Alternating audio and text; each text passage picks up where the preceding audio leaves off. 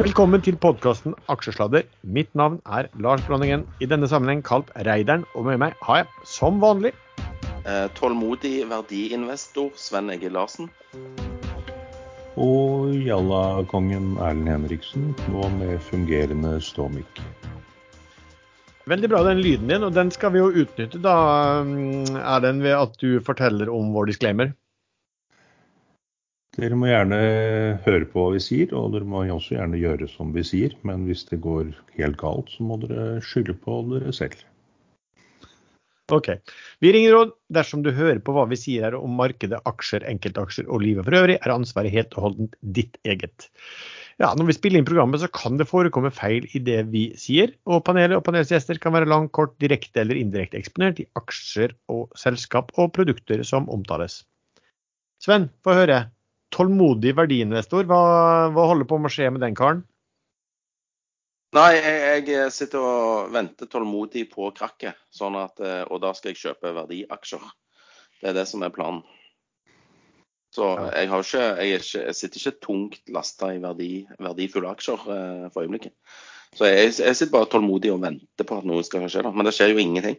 Børsene er jo flate liksom, nesten hver dag. I hvert fall i USA. Har du, hedget, har du hedget den ventingen med å øke livsforsikringen, sånn at barna dine i det minste får noe glede av den? Nei, men jeg har liksom eh, Med å vente så følger jeg ikke så godt med, eh, tydeligvis. Fordi at eh, jeg var og spilte ni hull eh, golf, eller prøvde å spille golf, da. Det lignet. Vi hadde i hvert fall utstyret og golfballer. Eh, men eh, også, også, en god kompis av meg sier ja, jeg har fått ny jobb. Å ja, gratulerer. Hva, hva da? Ja, jeg få i, i Magsize.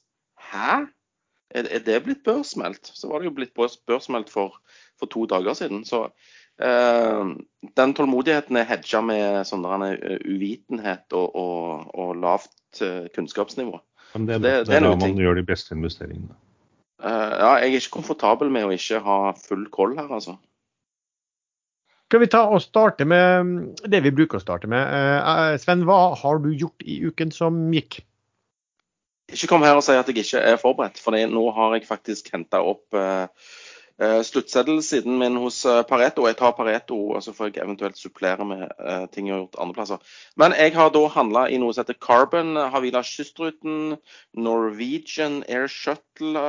så jeg handla litt i Aega, også i Havgroup og i en drittaksje som heter GNP Energy. Det, eh, som jeg da eh, snakket varmt om sist, kom med tall. Tallene på omsetning var faktisk veldig bra. Eh, resultatet hadde krympa fra 50 mill. til 1 mill. Altså, der har du marginskvis.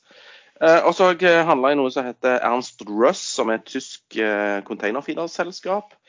Icefish Farm, Flyr, NRS, Saga, Kraftbank, Norway Royal Salmon. Eh, panel, det er noe USA-greier. Og NTS har jeg òg vært innom, og Bergen Karbon og Flyr. Jeg sa jo muligens Flyr. Så jeg har handla i massevis. Men jeg husker ikke hvordan det gikk.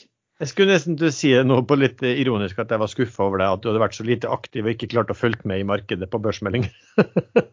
For du, du var nesten sånn at vi måtte stoppe deg og spørre hva, hva, du ikke, hva har du ikke handlet i denne uken? Uh, jeg har til og med handla Nei, det var uka før det. Det var Panoro. Uh, nei, uh, alle de andre har jeg ikke handla i da, så jeg ikke nevnte. Og så har jeg kjøpt noen obligasjoner i høy LNG. Det kjøpte jeg i går. Men, men hvorfor? Er det noen spesielle grunner til at du har trada de, de ulike, eller hva, hva liksom er Nei, Havila Kystruten var fordi han falt masse. Så mm. Der tok jeg en god del på 19-tallet. Og så kom jo mine venner i Fearnley med en Bull-analyse, sånn at jeg kom meg ut dagen etterpå. Så takk til de. Uh, så det, det, var bra. Uh, altså NRS har jeg faktisk kjøpt litt, for det har jeg tenkt litt at NTS Det var jo veldig kaotisk, denne her eh, situasjonen rundt uh, bud og sånn. og Jeg forstår hvis en del av NRS-aksjonærene ikke solgte fordi de ville ha 2,70 fra SalMar. Og så liksom en halvtime før budfristen utløp, så kommer det melding om at Eh, NTS kommer til å stikke av med det. Så jeg håper og tror at NTS skjønner at de må hjelpe ut eh, litt sånn støkk småinvestorer som meg på 240, sånn at alle får sjanse til å, å, selge til dem. Fordi det var veldig kaotisk der i slutten. Så jeg kjøper litt aksjer nå, og så, og så selger jeg på 240. Hæ?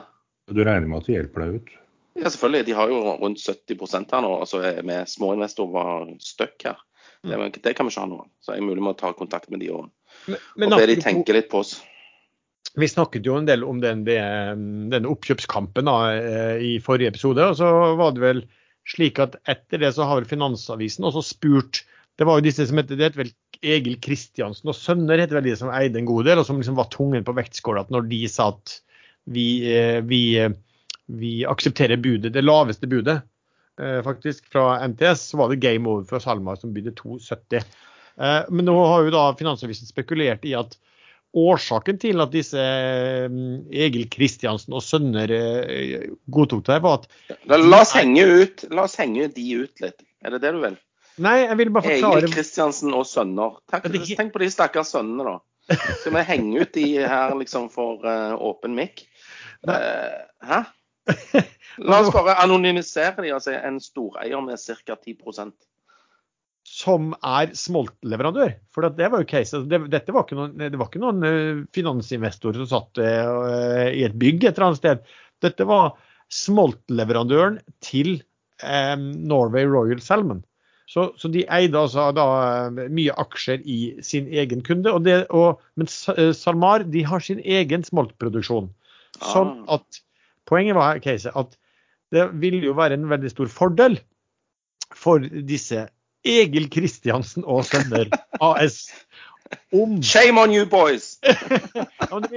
Sånn det kunne i hvert fall framstilles da i Finansavisen, så ville det være en stor fordel for dem eh, om eh, det laveste budet falt. For da, da eh, sikret de seg fortsatt sin eh, smoltleveransekontrakt. Du, du, du sa vant og ikke falt. Hva da? Du sa laveste budet falt, eller så har du vant? Eh, det er jeg litt usikker på, men det var i hvert fall det laveste som vant og det høyeste som falt. Ja, riktig. Men Sven, har du blitt saksøkt av uh, ASA, siden du nå plutselig er så snill og ikke vil nevne navn på de du skjeller ut? Nei, jeg bare virker som om disse Kristiansen og sønner er snille, da. Eh, som tar vare på sine relasjoner på en god måte. Men jeg lurer på om de kan ha hinta frampå at du, vi må gå for den der eh, løsningen til NTS fordi at eh, vi selger smolt til, det, til NRS, liksom. Og så kan noen i NRS ha hørt det, eller skjønt det, kanskje. Og så måkte ut aksjer på 2,75. Å ja, du tenker på at led ledelsen skjønte at de Nei, jeg, skjønte, jeg skjønner fortsatt ikke hvorfor de var så plutselig så veldig ivrige på å selge på 2,75. Men du vet eh, hva de nå kan gjøre. De kan gjøre nesten ingenting, så kursen faller og faller eh, de neste seks månedene. Og så kjøper de litt på, på 1,80, og så byr de på resten. For da er det, Ja, men vet du hva, jeg, jeg, tror NTS er snille. De virker veldig snille. Nå fikk jeg mer, mer Det er litt sånn mer 190 igjen. håp og, håp og tro her enn eh, Nei, jeg tror dette blir bra. Jeg. Jeg, eh, jeg tror de tenker på alle disse småaksjonærene opp langs kysten som ikke var raske nok eller fikk med seg eh, hva som skjedde der på slutten av eh, budperioden. Men Altså- kursen der, kursen der kom vel fra 170 kroner, gjorde den ikke? Ja, jeg, hvis du sier faen, så lemper de aksjer i hodet på meg. Ja. Uh, jo, jeg sikter på charter Jeg pleier ikke å gjøre det, men av og til så gjør jeg det. Han, han har ligget ehm, Skal vi ta års... Helvete. Uh, Årschartet La oss spole et år tilbake, så lå han på sånn eh, rundt 200, faktisk. 220. Og så har han liksom dasset seg ned til eh, 170 rett før budet. Så stakk han opp til rundt eh, 210. Altså budet var 209. Um, så, men eh, altså, over en årsperiode så har han ligget mellom 220 og 170, liksom. Da syns jeg 190 er en grei sånn risk reward eh, entry. På spekulasjon om at NTS faktisk kommer til å gjøre et eller annet for å prøve å, å få seg 100% eller over 90% da, sånn at de kan tvangsinnløse. Ja, og det er flere som har sett på den, også og sett på den og, og tenkt litt, litt av det samme som du også. At okay, når du begynner å gå på 190, så er du ganske langt unna det første budet eh, som MTS eh, kom med, som var på, vel på 209. Du har fortsatt fin oppside der, de, bare dit, da. Ja, men de må jo nesten kjøpe de ut på 240 da, hvis det ikke skal bli masse rabalder. Eller det blir ikke rabalder uansett, men Men eh, det kan godt være de venter, for jeg, jeg aksepterte jo 240 på de aksjene jeg hadde. Hadde ikke så mange, men eh, allikevel.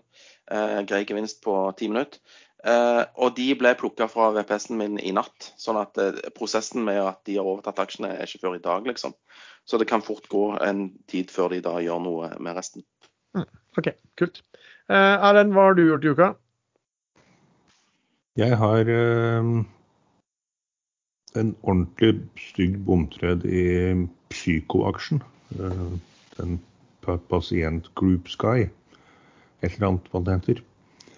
Eh, Der er det jo masse gamle på vei Den, ut. den, er- den, den heter jo Psyk, eller Pysk. Psyko. Ja, men nå heter den bare Pjusk. Pysk, ja. Ok, uansett, den treden ville jeg helst glemme. Jeg glemte helt at uh, sjefen hadde blitt sparka på dagen på fredagen, så jeg kjøpte litt på mandag. Tenkte at da var sikkert storselgeren ferdig, men først så skulle jo mange flere ut. Så det var et uh, ordentlig stygt tap, men uh, det gjorde egentlig ingenting. For uh, rett etterpå kom Swipe med en melding. Da hadde en svensk storinvestor, han er god for 5 milliarder dollar, Erik Selin, i Erik Selin Fastigheter AB. Han gikk inn med 104 millioner kroner for 4 millioner aksjer til sluttkurs på fredag. Og aksjen gikk jo da rett opp. Eh, Men sånne nyheter i sånne type selskap er alltid veldig, veldig bra.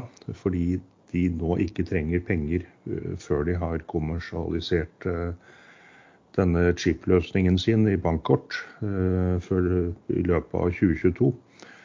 Um, Så det er ingen emisjonsfare. Kursen gikk opp med over 20 og jeg kjøpte på over 20% Og nå er den opp uh, ca. 20 siden jeg kjøpte. Så, så det, er, det er ikke det er, Ofte så er det ikke feil å kjøpe noe som allerede har gått veldig mye. Uh, Det er en grunn til at det har gått veldig mye.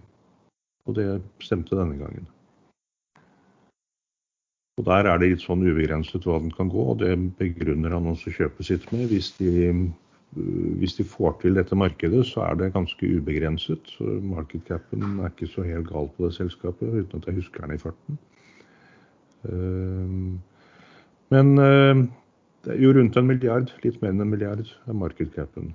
Ehm, og så kom det da en godmelding til eh, et par dager siden. Da hadde de fått en avtale, en pilotavtale med en bank, såkalt Tier 1-bank i Europa, eh, som har eh, filialer i veldig, veldig mange land.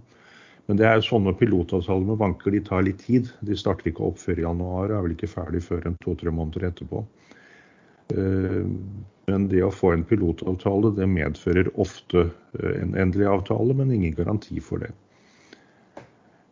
Men Den aksjen kan eh, være litt som, eh, som den egentlig har vært siden eh, den bundet ut på 2 kroner og 20 øre i mars i fjor.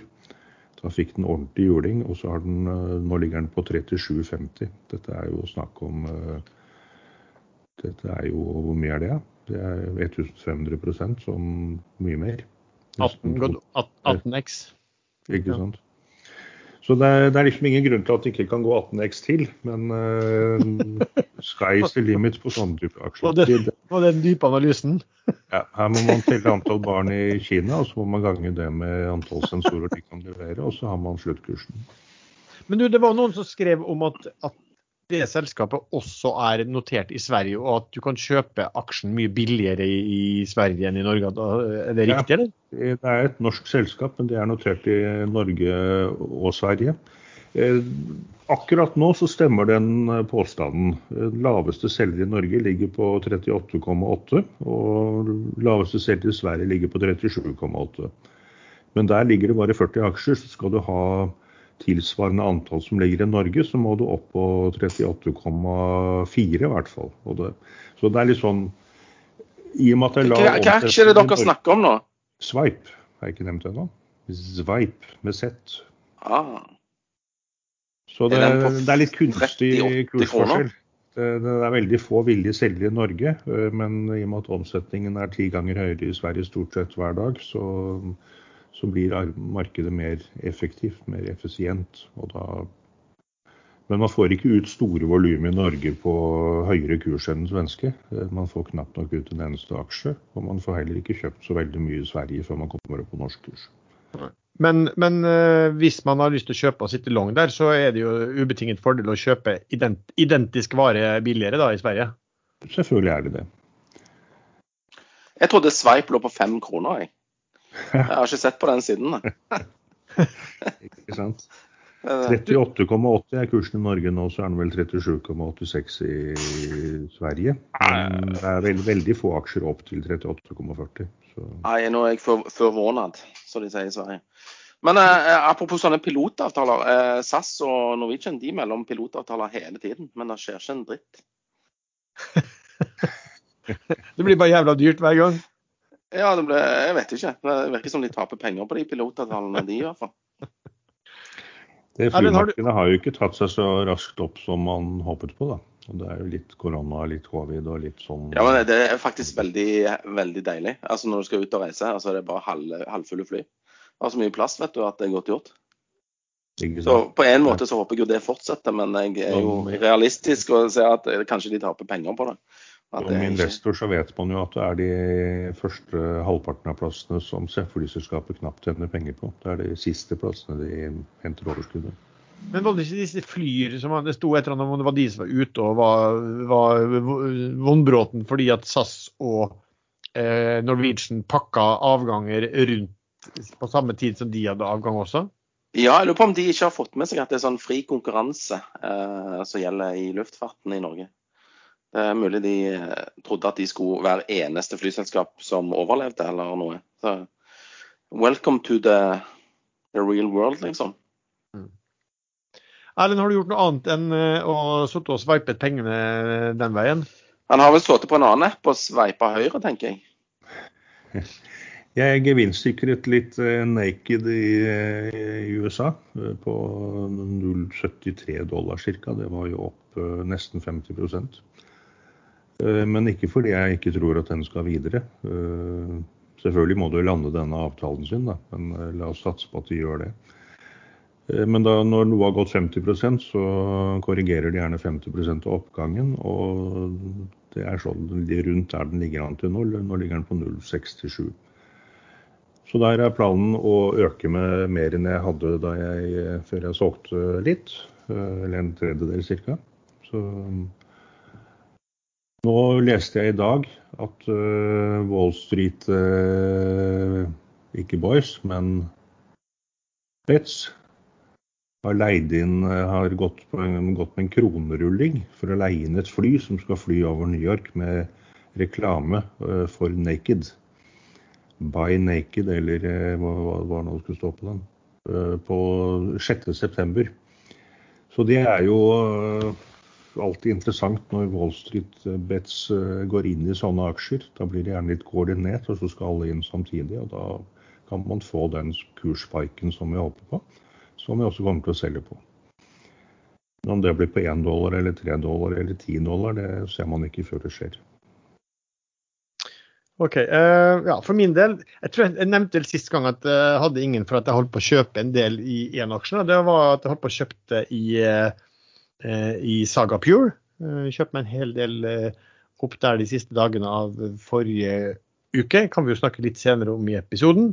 Jeg har også snakket, eh, kjøpt meg i eh, et selskap som vi på Ekstremester hadde presentasjon av faktisk på tirsdag, som heter Cyvis, som vi også kan si litt om etterpå. Um, og så har jeg faktisk solgt meg ut i Valaris. Jeg så at jeg hadde faktisk sittet på den i tre måneder. Um, riggselskap i USA. Um, den nådde i går over 30 dollar, og da tenkte jeg OK, greit nok. Jeg er jo ikke sånn veldig har, vel lyst til å ha litt mye cash i september, så da var det greit når den hadde gått såpass mye også.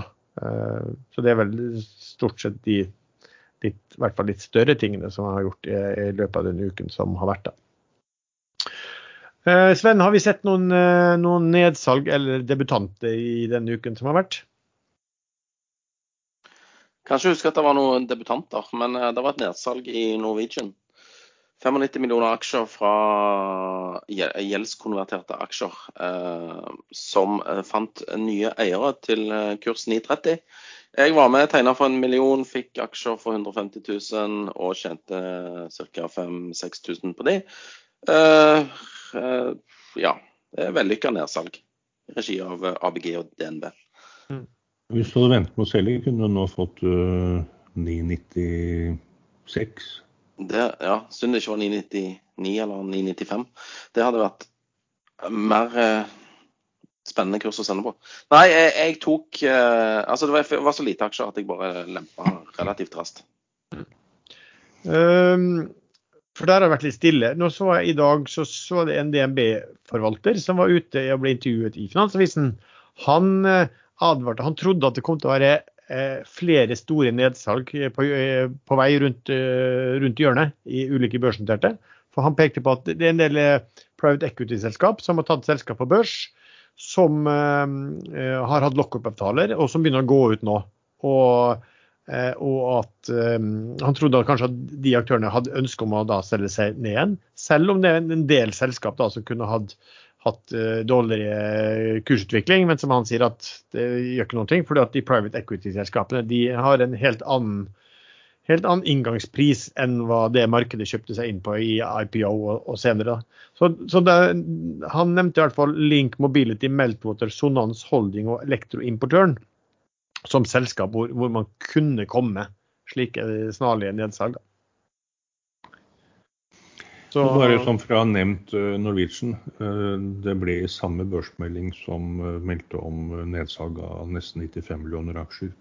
Også meldt at det vil bli konvertert 125 millioner nye aksjer av de samme långiverne.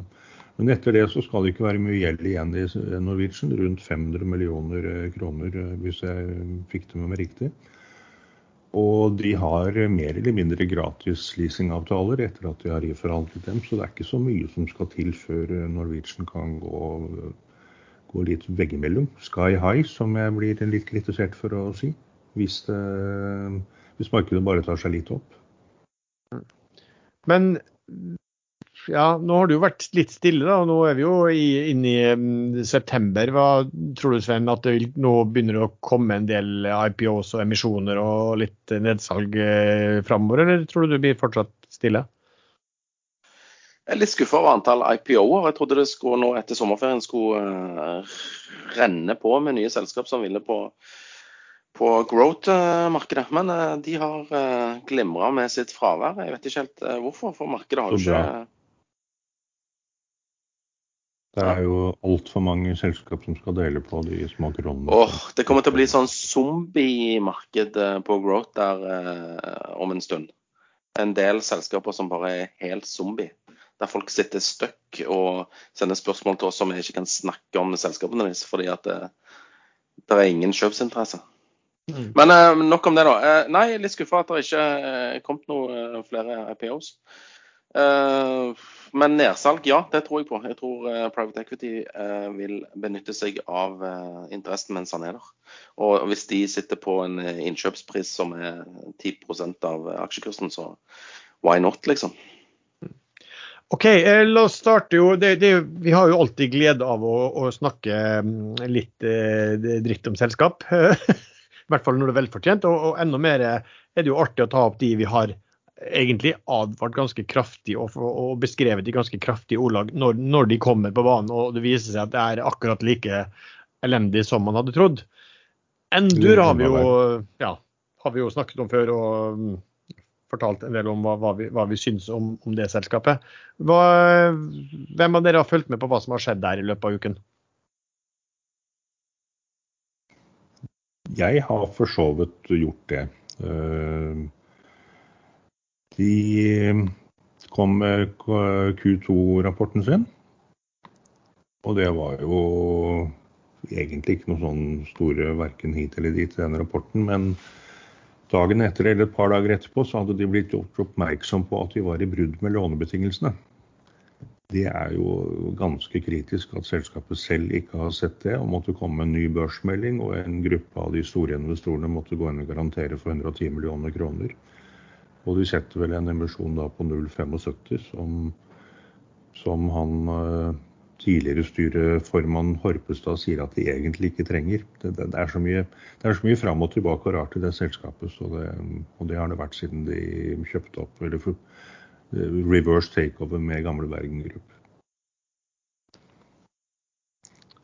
Ja, for historien her var vel egentlig at eh, Eller var det ikke gamle, heter i Bergen Group fortsatt da, som, som gjorde det elendig. Og så eh, gikk de, eh, fusion, ble de enige om å fusjonere med et annet selskap som da ikke var notert, men som en del finanskjendiser i hvert fall var ganske store aksjonærer i. Eh, og til sammen når man så på de to, så så de, jo, så så de jo ut som svarte natta. Altså Det så ut som ordentlig, ordentlig drittselskap. Og jeg husker jo at jeg ble invitert til å være med på Og da ble det selvfølgelig, skulle selvfølgelig kjøres emisjon i en forbindelse på en, en eller annen høy kurs. Eh, og jeg husker jeg så da når jeg så på det presentasjonen jeg fikk fra et meglerhus, så hadde jeg fulgt med Bergen Group noen år. Jeg kjente jo ikke igjen de tallene i det hele tatt. Det så ut som dette var, dette var to gode selskap, men det var jo, hvis du da så på det, så var det jo altså alt, Alle tall var jo, var jo eh, adjusted, altså det var justerte tall, og, og, og gjerne drømmerier om framtiden. Eh, så de fikk jo inn sine penger, og så har de brukt det er som en motor da, til å kjøpe opp en del andre nye selskap. Og så har det kanskje vist seg i tallene at Eh, de har, jeg vet ikke om det de har kjøpt har vært dårlig, det tror ikke det er det det har stått på. Det er vel at de, de to man, motoren man starter med var like pill råtten som vel vi uh, har, uh, har, snakket om det her. Nå er de vel nede på en markedsverdi på det selskapet på ca. 700 millioner. Og så har de netto rentebærende gjerne på en milliard. Så de har gjort da store oppkjøp av selskap, og de har da ja, så at de hadde en, en eh, ordrebacklog på ca. 2,5 milliarder. Så de ligger liksom og takter opp et par milliarder i omsetning, dette, dette selskapet her, men taper eh, fortsatt eh, penger, sånn sett, eh, på, på, på, driften sin. Så, så, er det jo da spesielt er jo at, er jo da at eh, det, altså det, det, er jo helt utrolig at et børsnotert selskap med en milliard lån og ikke klarer å ha oversikt over om de er i brudd med lånevilkårene eller ikke. Eh, og som du sa, Ellen, de har da eh, børsmeldt at de har garantier på 70 eh, på, på, Jeg husker ikke hvor mye var det, 100 millioner de skulle inn med? 110 mener jeg husker det var. Ja, ok. På, på 75 øre. Men det, det var, er liksom forbeholdt at de, at de, får en enighet med eh, obligasjonseierne, for de står jo faktisk i et brudd. da. Så eh, jeg er litt usikker på hvor, hvor bundet de måtte være av den eh, eh, garantien. Og om, hvis det ikke er det, så er det jo fort at det blir, eh, at det blir eh, lavere også. Men det som da skjedde, var jo at viktig, toppsjefen eh, fikk jo fyken. Han forsvant ut på dagen. Eh, Pga. Den, den store bommerten her. Så, så det er jo da et styre og aksjonærer som har vært eh, sannsynligvis i, i harnisk. Da. Men, de har men, men han, han, som satt på penger, ja, han på pengesekken, han, eh, eller han som burde skjønt at de var i brudd, han fikk beholde jobben. Ja, foreløpig i hvert fall. Så...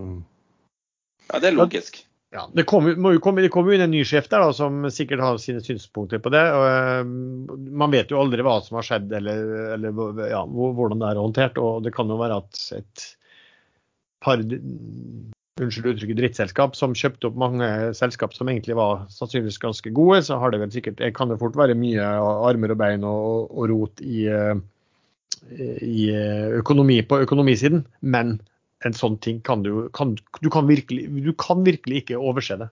Og når det, de børsmelder at, liksom, at det har kommet til deres kjennskap eh, etter å ha sendt det, så, det, så, blir det jo helt farseaktig. Da.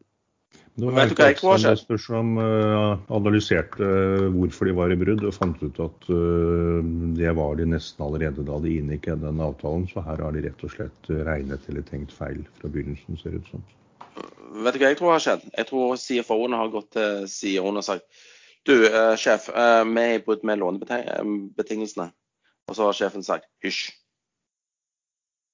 Gudene vet i hvert fall. Um, en annen spesielt interessant ting da, som skjedde i uken som gikk, eh, var jo at uh, plutselig så kalte regjeringen inn til pressekonferanse og kom med et forslag om en ny petroleumsskatt. Sven, har du fulgt litt med på hva, hva det her innebærer? Jeg har fulgt med eh, litt sånn i politikken eh, hvordan dette oppfattes, i hvert fall. Det oppfattes som om dette er starten på slutten for norsk eh, oljeindustri. Og venstresiden, de rød-grønne jubler jo, bortsett fra Arbeiderpartiet, og de er vel litt avmålt. Eh, så det ble oppfatta som et veldig bra sånn miljøtiltak. Eh, men jeg, jeg, har bare så vidt satt meg inn i det, og det fører vel bare til egentlig at uh, prosjekter som er lønnsomme, blir igangsatt, mens ulønnsomme og spekulative prosjekter vil eh, ikke se dagens lys. Jeg tror ikke på noe sånn stor stor forskjell, egentlig, fra, fra tidligere. Sånn I praksis så, så, legges det, i og med at refusjonsordningen fjernes og erstattes av en endret skatteordning, så legges det vel opp til at uh, leting utenfor eksisterende felt uh, blir veldig risikofylt. Av sånne småselskap som kun er laget som leteselskap, uh, som har det, er vel ikke dokumentert, så vidt jeg vet, at noen har utnyttet systemet, men det har jo ligget litt i kortene at det er ganske lett å gjøre det.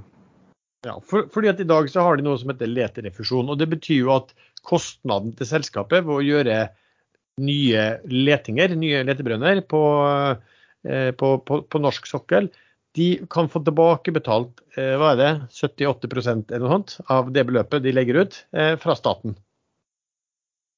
Og den skal bortfalle nå, men i stedet så skal de innføre et eller annet hvor de kan få refundert underskuddet sitt. Hvor, så hvor mye det i praksis slår ut, det virker litt sånn uklart for meg. I hvert fall Første gang så virket det som det var liksom, dette var katastrofalt, men når man så at de skulle få en refusjon på selve underskuddet Man vil jo kanskje fort tro at underskuddet er jo, i hvert fall i leteselskap uten inntekter, mye av letekostnadene, så det er kanskje ikke sånn, sånn veldig stor forskjell, men, men, nok. Så jeg ser jo i hvert fall analytikerne konkluderer med at seismikk er vel noe en, en, en, taper etter dette her.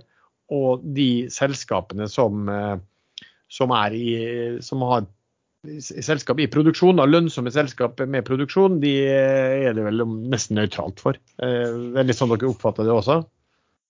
Ja, men tilbake til litt sånn politisk mynt på dette her, da. Så har jo Frp liksom sagt at nei, de er veldig imot denne nye skatteordningen og liksom kjemper for oljearbeiderne. og og mest sannsynlig kommer til å stige litt på meningsmålet. Altså, jeg lurer på om dette bare er tima tilrettelagt for at uh, Frp skal eh, få stjele stemmer fra, fra, Arbeiderpartiet, sånn at borgerlig side blir eh, litt sterkere. Det høres litt logisk ut, men hvorfor gikk da Sylvi så rett i strupen på Erna Solberg på den første TV-debatten? Det, det, det, må spille, altså hvis, hvis dette er et skuespill, så må du jo spille rollen skikkelig. Ja, du kan ha et poeng. Eh, men det som er litt eh, hva skal man kalle det, morsomt på andre siden, er jo at SV gikk jo offentlig ut og jublet for dette.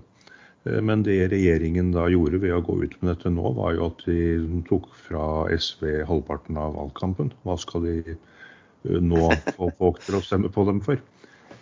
Stem på oss, for vi har presset på oss og regjeringen har gjort det vi ønsket. Og nå skal vi fortsette å gjøre det, vet vi ikke. Ja. Og så har jeg mistanke om at de politikerne kanskje skjønte mye mindre av forslaget. De leste overskriften at denne leterefusjonen skulle bort. Eh, og, og, kanskje ikke skjønte at det finnes en annen uh, refusjon som, uh, som, vil ligge der nede også, som, som, som, gjør at det er ikke sånn. Og så, så er det sånn at det, det du får da ved, ved, at du hadde en leterefusjon som har vært en garantert tilbakebetaling fra staten, har gjort at disse leteselskapene kunne lånt mye penger. Ehm, fra bankene til å, til å mm, bore brønner, fordi at de har vært garantert, det har vært egentlig en garantert tilbakebetaling fra staten. Og så, kan det være at det stiller seg litt annerledes nå med at det er en, en slags underskuddrefusjon som ja, er litt mer uklar. Litt usikker. Så det kan vel godt være at de miljøbevisste ikke feirer den seieren så veldig mye om noen uker, for alt, for alt det vet. Denne episoden er sponset av IG.com. IG er en globalt ledende tradingmegler og et klart kompliment til din vanlige sparing og til din trading, som du når enkelt via datamaskinen eller mobilen. Via IGs pålitelige plattformer når du 17 000 markeder og kan derigjennom investere globalt mot råvarer, krypto, indeks, enkeltaksjer og mye mer. Ser du en mulighet på markedet? Ta vare på den gjennom å åpne posisjon på ig.com, men husk at all handel med finansielle instrument innebærer risker. Du finner lenken til IG i beskrivelsen til denne episoden.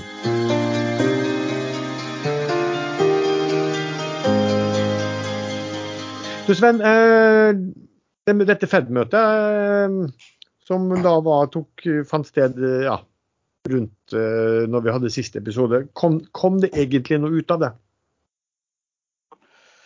Det var Symposiumet i Jackson Hole eh, ble oppfatta positivt av markedet om at eh, fordi at eh, J. J. Powell, da, sentralbanksjefen i USA, eh, kom egentlig ikke med noen ting nytt. Han bare fortsatte der han slapp sist gang og sier at eh, dette tar tid, renten skal være eh, lav i lang tid. Vi skal muligens begynne å snakke om tapering på neste møte. Og vi kommer til å gjøre det som er nødvendig for at eh, veksten og sånn skal opprettholdes. Og vi kommer ikke til å gjøre noe med eh, disse verktøyene før maksimum employment er blitt nådd. Altså De vil få, se mer oppgang i arbeidsmarkedet. og Det håper jeg egentlig vi ser allerede i dag klokken 14.30. At eh, antall nei, antall nye jobber skapt i USA er, er, er høyt. Men eh, nei, egentlig ikke noe nytt. Og markedet tok det med et gjesp og steg litt. Men er vi, kommet, er vi der at eh, gode makronyheter er, kan være, er dårlig for markedet, og dårlige makronyheter er godt for markedet? Eh, Gode makronyheter er jo bra for økonomien, men dårlig for aksjemarkedet hvis stimuli forsvinner. Hvis vi kan si det på den måten. Mm. Ikke sant? Og, og dårlige nyheter eh, blir slik at nei, da vil de bare fortsette å trykke og gi Ja, ja, da er vi på liksom eh, Altså, se for oss en pasient som ligger i koma, som bare får liksom tilført oksygen hele tiden. Jeg så i dag så var det sto et sted, jeg vet ikke om det var riktig, men det sto i hvert fall at hvis du, hvis du ser på den amerikanske sentralbanken og den europeiske sentralbanken, så har de økt balansen med sju trillioner, er det, er vel billioner på norsk, trillions, men sju trillioner da, dollar på 18 måneder. På de foregående eh, ti årene så hadde de økt det med 6,5 da. Så er, du kan egentlig si at de har, og, og, det har vært en periode hvor man har vært veldig opptatt av at de har trykket mye penger historisk. Men det er også på de siste, hvis du tenker at mye av det her går til asset-kjøp, så har de altså kjøpt mer verdipapirer på 18 måneder eh, enn hva de gjorde de foregående ti årene. Ja, Men man må ikke glemme ECB, altså europeiske sentralbanken. De begynte jo også å murre om, om at de skulle eh, begynne med sånn tapering nå. Så plutselig begynner de òg. Men jeg tror ikke de begynner før USA begynner. Nei. Og Dette er Så veldig du- koordinert. Så du hvem som murret liksom fra, eh, rundt den europeiske sentralbanken? Nei, det var en mann. Ja, det var, jeg tror det var flere, men eh, vet du hvilken nasjonalitet de hadde? Sikkert tysk. Korrekt. Det var tyskerne. De bruker å være redd og, og haukete i forhold til eh, inflasjon, mens andre er print baby De print. sør- søreuropeerne føler jeg er tiltrukket av mer pengetrykking. I Tyskland er det valg nå, og Merkel stiller jo ikke til valg. Og nye CDU-sjefen han klarte å smile og le da han var i besøkte dette katastrofeområdet. Så de må nok nå prøve å tekkes velgerne litt til høyre for dem. Og så hva de sier nå og hva de kommer til å stemme for å gjøre etterpå, det er nok to helt forskjellige ting. Ja. Men i det store og hele så ser det vel ut som de Ja, de, de, er- de, er, vel, de er vel redd for tapering og redd for å, å, å si ting som, som påvirker markedet. Så det blir jo veldig spennende å se hva som skjer eh, i det øyeblikket de på et eller annet eh, tidspunkt må gjøre dette her. Og, og inflasjonstallene blir jo viktige for dem også. Vi har som vanlig fått eh, veldig mye spørsmål som kommer inn. Et, ja, vi kan jo snakke om det. Altså, et spørsmål som kom, var hvis det kommer en korreksjon eller litt krakk, hva skjer da med type unoterte aksjer? Hva er liksom erfaringen der, Sven? Uh, erfaringen der er at uh, kjøpsinteressen tørker helt inn. Uh, og det vil bli veldig lav omsetning i disse her. Og hvis du vil, vil eller må ut, så må du selge til en vanvittig rabatt. Så i unoterte så er det veldig gode muligheter for å gjøre gode kjøp eh, i, i gode selskap eh, under en korreksjon. Så det, men eh, hvis du er redd for korreksjon, så, eh, så bør du helst selge før, før den kommer. For det, det blir helt tørt. Det er Sahara. Mm. Men jeg husker etter finanskrisen, da, da, var jeg helt fersk i aksjemarkedet. Og da satset jeg stort på de selskapene som Sven nevner nå, som var blitt gruset i kurs. Og de sto helt stille. Mens Equinor og Telenor og den gangen het de Statoil, faktisk. Uh, og disse bankene og alt sånn, det gikk ganske fort oppover igjen. Så det var en så dårlig erfaring at i mars i fjor så holdt jeg meg unna disse småselskapene. IDX og Swipe, som da løp på 2,20. Og det viste seg å være en kjempetabbe, for de tok, begge to tok tigangeren i løpet av kun noen få uker. Men nå snakker du om noterte aksjer, vi snakker om de unoterte. Ja, per definisjon så er Growth faktisk unotert. Det er ikke en børs, det er en markedsplass. Tomato tomato, sier jeg da. Et selskap som de vil eh, at du skal komme med en liten update på, Erlend, det er det du snakket om før. Eh, hva er, det, hva, hva er status, hva er det som har skjedd i Softox? Jo, først så kom det et par artikler, eller én artikkel i VG var det vel, med med bl.a. uttalelser fra det norske forsvaret, som er litt i ekstase over virkningen og potensialet i, i, det samme stoffet som de har i håndrensen, som de skal bruke i et inhaleringsprodukt i lunger. Og det, Foreløpig så har de ikke påvist noen negative resultater på inhaleringen. Det dreper både virus og sopp og bakterier uten noen som helst bivirkninger. Ehm, og det åpner jo opp for behandling av veldig mye. Av alle lungesykdommer. Og, og får man en virusinfeksjon og en eh, påfølgende bakterieinfeksjon eh, i lungene, så tar man begge deler. Um, og nå like etterpå så kom det med en melding om at det norske systemet for innkjøp til uh, sykehus og helseinstitusjoner uh, hadde gitt eh, Softox innpass i den innkjøpsordningen. Så da er de det eneste selskapet, vel, på Hinas heter dette systemet. Eneste desinfeksjonsmiddelet eh, og håndrens eh, uten alkohol. Og det er jo selvfølgelig noe som veldig mange i helsesektoren etterspør, ettersom veldig mange får eksem av alkohol i, i håndrensen.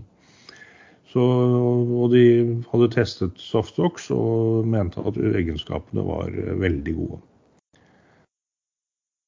Så, men kursen har ikke gått noe særlig foreløpig. De hentet inn penger på 55 kroner var det vel sist. Nå ligger kursen på 47,60. Eh, jeg tror faktisk at det er et ganske godt kjøp. Den var så vidt under 40 kroner eh, før disse meldingene kom og før avisartiklene kom. Jeg tror de har de pengene de trenger en stund. Eh, og med kontrakt med både det norske og amerikanske forsvaret, så, så tror jeg det er en aksje som eh, man kan handle litt sånn jevnt og trutt og bygge opp en portefølje og ha i den såkalte skuffen ganske lenge. Men jeg er fremdeles veldig lite imponert over ledelsen og informasjonsstrategien eller politikken til selskapet. Det er, eh, det er litt for jalla ennå. Vi har fått et spørsmål her fra en uh, morsom kar fra Ekstrainvestor. Han sier som følger er det, er det egentlig noe vits i å spille inn dette nå midt i hjortejakta? Ingen vettuge tradere som gidder å høre på dette før mandag, mener han. Det er jo fort gjort at han uh, får seg et vådeskudd under hjortejakta. Så for han så har det liten vits, ja. Fort gjort. Men uh, det er vel greit at vi ikke vil nevne navnet til Rune Larsen på dette, sånn at han blir eh, mobbet. Eller. Rune Larsen, han der trubaduren fra Bergen med de knallblå øynene.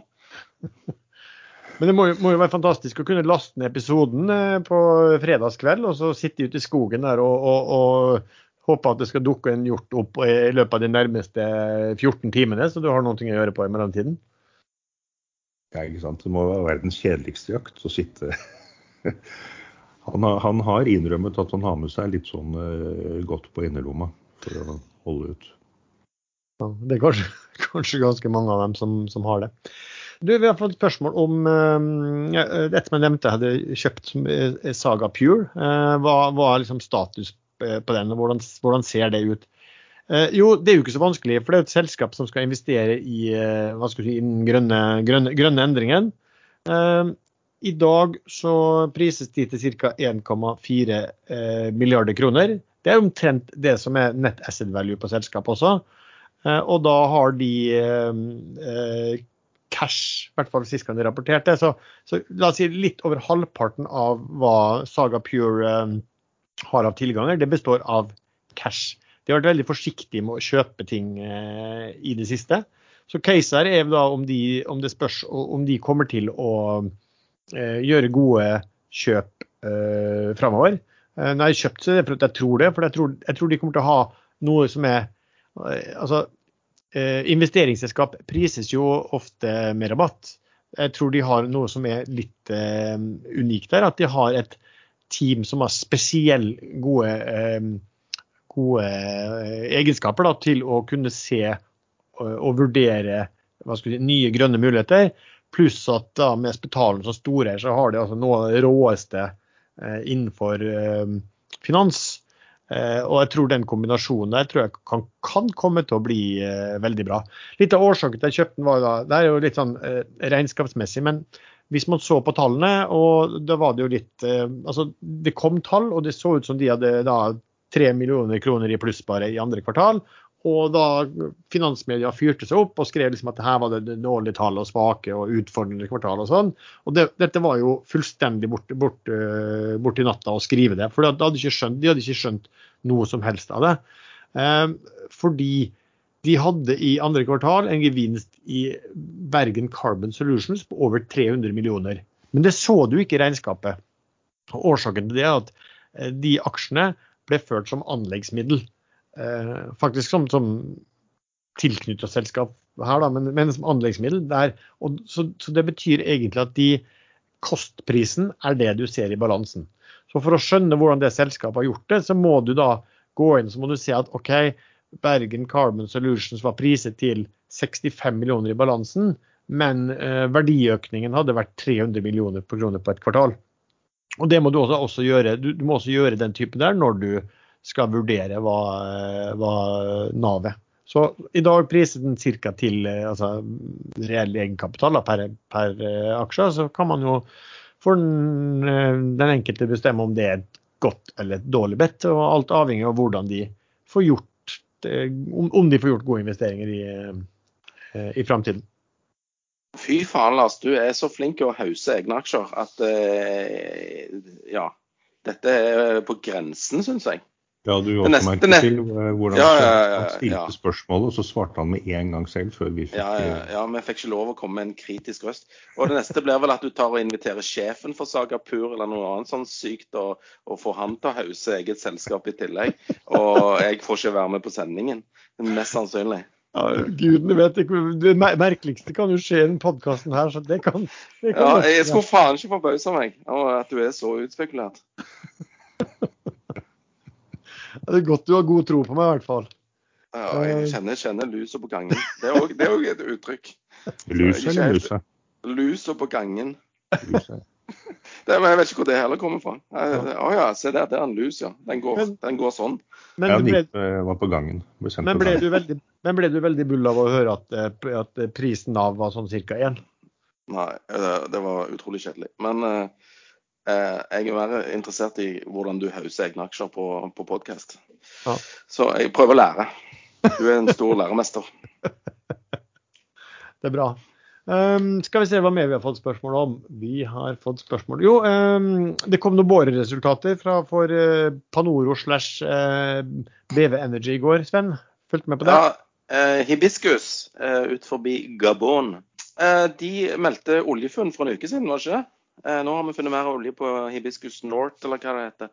Eh, og så aksjene steg, og så kom det melding i går at det var olje der, men eh, det var mindre enn det laveste anslaget fra forrige uke. Så da faller kursene litt i dag. BVE er ned 8,94. Men på en ukes tid så vet jeg ikke om den er ned så veldig mye. Skal vi se her. one week jo, han er faktisk nær 9% på en uke. Men var uh, selskapet selv eller BVO ute og BVE. BVE. BVE. Var de ute og hauset dette funnet før den siste boringen, sånn som du gjorde med en annen boring i tidligere år, hvor det gikk helt galt? Uh, der må jeg faktisk uh, si at jeg har ikke fulgt med så godt om, om de hausa dette. Jeg tror ikke de gjorde det. Nei, jeg tror de, lærte, de, lærte, de, lærte, de lærte vel for sist gang. Men jeg tror eh, noen analyseselskap eh, var litt eh, grove på hausing på oppsiden, uten å ta med risikoen på nedsiden. Ja, men jeg, tror altså, Kanskje før den forrige, men jeg tror ikke de var så veldig analytikerne var så veldig sånn, hausete nå. Men de økte kursmålene ganske betraktelig etter den meldingen. fordi at Hvis jeg husker riktig, så hadde de operert de med at hvis det ble treff, så var det en range på mellom 10 til 40 Eh, millioner fat.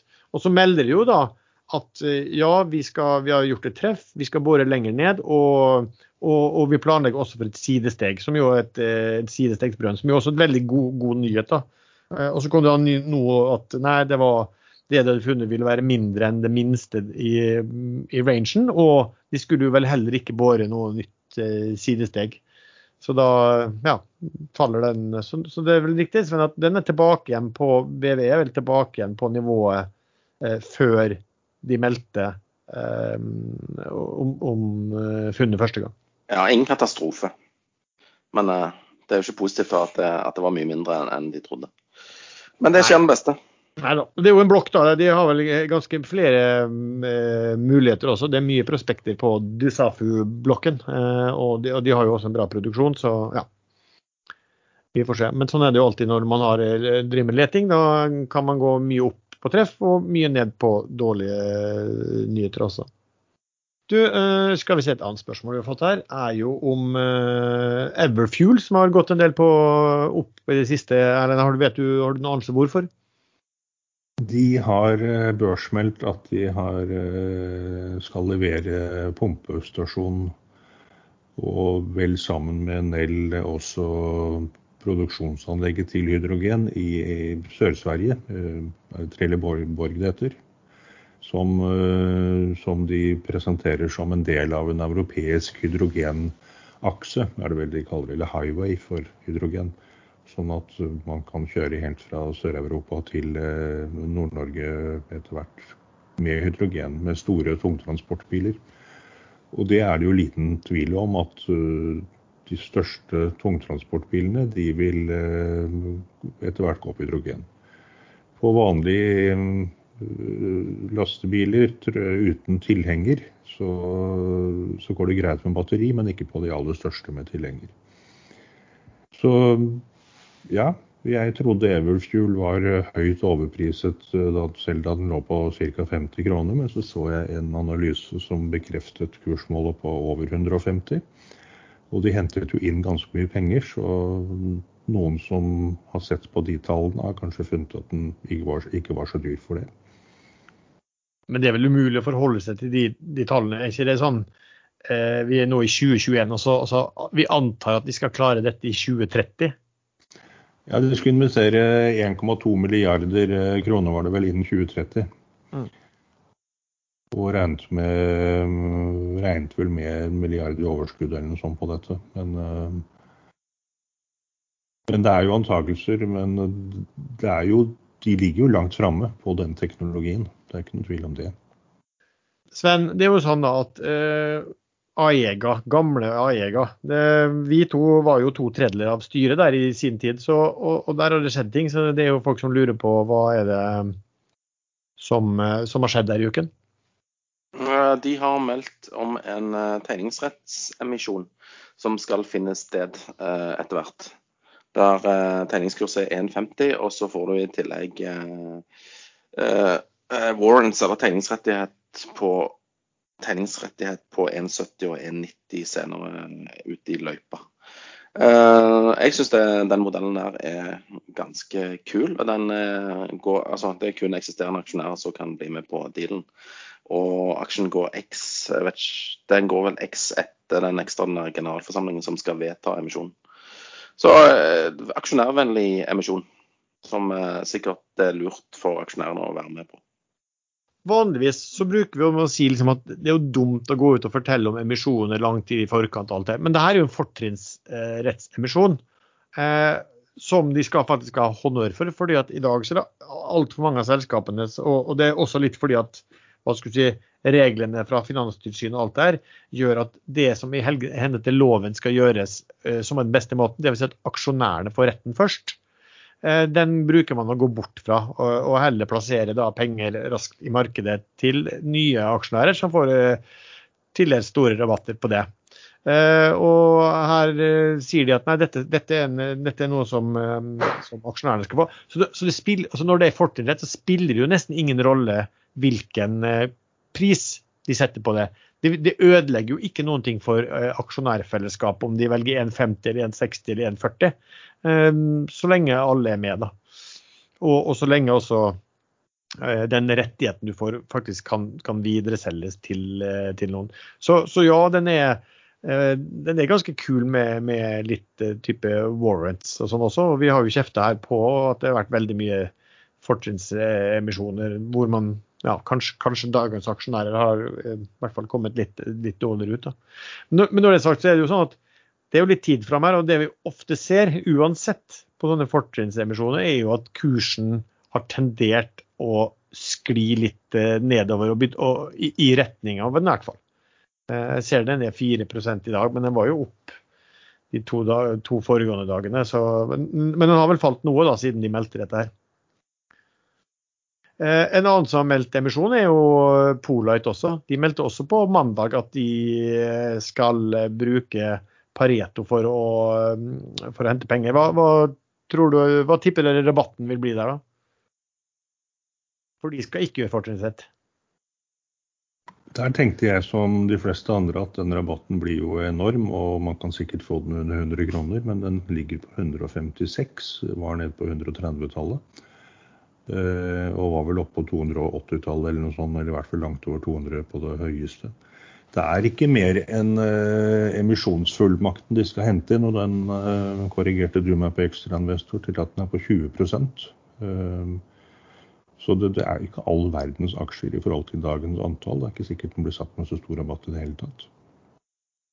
Men det er vel et selskap med veldig lite type institusjonelle. og 20, altså hvis, de 20, hvis, de skal hente 20% så er jo det faktisk 280 eh, millioner kroner. Um, ja, nei, Jeg kommer til å avvente til etter at det er hentet. For hvis de da får inn institusjonelle i den emisjonen, da begynner det selskapet å bli veldig interessant. Hvis ikke de klarer det, så så tror jeg det kanskje kan være en sånn, en sånn et sånt selskap som har gått noe voldsomt på forventninger, og så viser det seg at de aldri klarer å oppfylle inntenningskravene. Det er jo et par institusjonelle der i toppen av aksjonærlisten. og Investinor med 19,5% Stiftelsen Industrifond med 11,5% og verdipapirfondet Nordea og Nordea Avkastning og Kapital, Pareto Investment. Så det er en del fond som er inne. Så jeg tror nok de får henta pengene. Det er sant. Men, Industrifondet er vel det svenske, eh, og de er litt sånn som går inn i Polat er vel opprinnelig svensk, er det ikke det? Nei, jeg tror ikke det. Jeg tror det men jeg tror Investinor eh, tror jeg har vært med veldig lenge. Ja, ja, det har de. Og de har solgt seg ned òg, så jeg vet ikke om de har lyst til å gå inn. Ja, men Det var bra du korrigerte meg, for det er helt riktig. Det er faktisk en, eh, flere institusjonelle på den, jeg ser på den aksjonærlisten enn en, en hva jeg trodde på, uh, på det. Uh, spørsmålet er, og, og, de klarer jo å få pengene fra institusjoner hvis det er det de vil. Spørsmålet er bare hvilken pris uh, får du på det. Og, og, det var i hvert fall litt sånn at dette var ikke noe case de, der de kunne melde en, etter ettermiddagen en dag at vi skal hente penger, og at den var fulltegna neste morgen, i hvert fall. Det er litt mer jobb enn som så, tydeligvis. Men aksjekursen har jo stått stille. Det har jo ikke falt noen ting på den nyheten om at det skal hentes penger. Så, så det er jo ja, hyggelig det for aksjonærene i, i Polite, hvis de klarer å sende, sette den uten, uten å selge rabatt. Jeg tviler på det. De kan ringe de som satte denne Atlantic Sapphire-emisjonen, og få oppskriften på hvordan sette emisjoner over børskurs. Eh, og så kollapser eh, Hvorfor kom jeg på den sangen 'Never Ending Story' akkurat nå? Jeg må bare benytte all mulig sendetid til å snakke ned ASA. Beklager. Etter braksuksessen fra sist er vi i gang igjen med et nytt DNB Invest. Merk det datoen, folkens. Den 9. september. Arne Fredli, Thomas Wilhelmsen, Nikolai Astrup og Espen Barth Eide er noen av de gjestene vi skal ha med denne gangen. Og ikke nok med det, i tillegg så får vi tre av våre eminente analytikere i DNB til å snakke om et tema som er brennhett i markedet om dagen, nemlig inflasjon. Litt av en lineup. Vi ses den 9. september. Lenken finner du i beskrivelsen til denne episoden. Borr har det jo gått en del i det siste, Sven. Har du anelse hvorfor? Borr-drilling.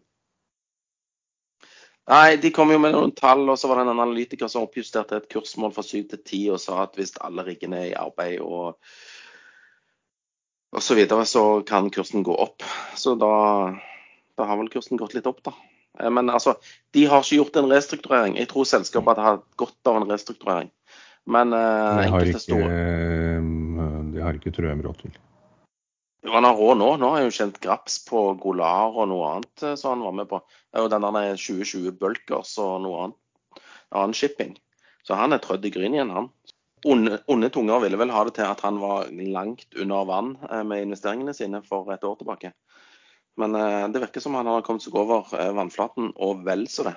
Ja, Det er vel et, et eller annet ordtak som sier at tidevannet løfter et eller annet alle båter. Men eh, jeg tror eh, DNB, eh, som var hovedkreditor her, var snill. Altså det, det, er når du skylder for mye penger, så, så er faktisk det en god ting når ting går til helvete. Ja, Da er det ikke lenger bare ditt problem, da er banken sitt problem. Ja, Men eh, nå, nå kommer det en litt artig melding her, da. I Doff flagging. Den må, den må vi snakke bitte litt om. Eh, gruppen Doff minoritetsgruppe stiftet 28.8.21 har ved telling den 3.9., altså i dag, oppnådd en oppslutning på 15% av totalt utestående aksjer i Doff ASA. Gruppen består av et hundretalls småaksjonærer i Doff ASA og jobber for at alle aksjonærer i Doff skal likebehandles. Og Da er mitt spørsmål, er det kommet noen signaler på at eh, aksjonærene i Doff ikke skal likebehandles? Eh, har dere lest noen nyheter om det? Dette er han samme opprørsgeneralen som forsøkte seg på det samme i Norwegian, eh, og ble kalt inn på teppet av Kjos og fikk fortalt at eh, hvis han ikke roet seg ned, så ville hele rekonstruksjonen i Norwegian kunne feile, og da ville alle tape alt. Så han roet seg helt ned. Eh, vant ikke fram med noe som helst. Og i rekonstruksjonssaker så så er det ikke så lett å vinne fram med noe som helst. Egenkapitalen er tapt. Møgster er villig til å gå inn med, var i hvert fall tidligere villig til å gå inn med ganske mye penger. Så likebehandles i noe som egenkapitalen er tapt, det vil jo egentlig si at man uh, aksepterer at aksjene er null verdt. Ja, ikke sant. Det er jo det man kan reagere på her. At OK, de må gjøre et eller annet, da. de må restrukturere på en måte. Men eh, bokført egenkapital er minus 1,1 milliard i det selskapet der. Eh, det vil si, selskapet er da per definisjon egentlig eh, insolvent. Eh, aksjonærene har egentlig ikke noe krav på noen verdier der. Men så, så, vet du aldri hva som skjer da, hvis, hvis, det markedet begynner å snu seg veldig.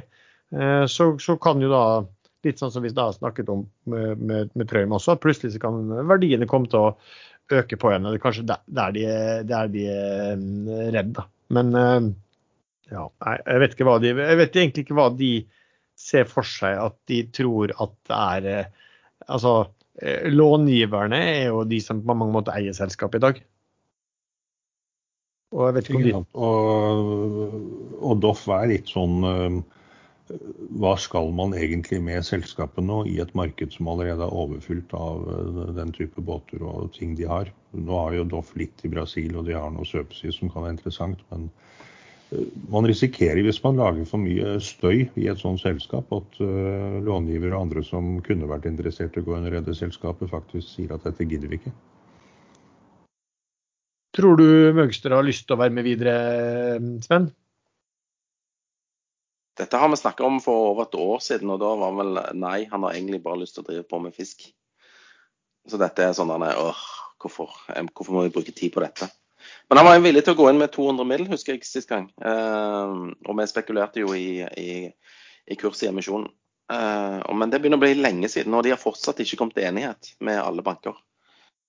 Så ikke vet jeg hva som kommer til å skje. Men eh, det er jo kjekt at eh, denne gruppen av flere hundre småinvestorer da har klart å tromle sammen eh, 15% Da trenger de vel egentlig bare 15 pluss eh, 3,34 til for å blokkere alle forslag.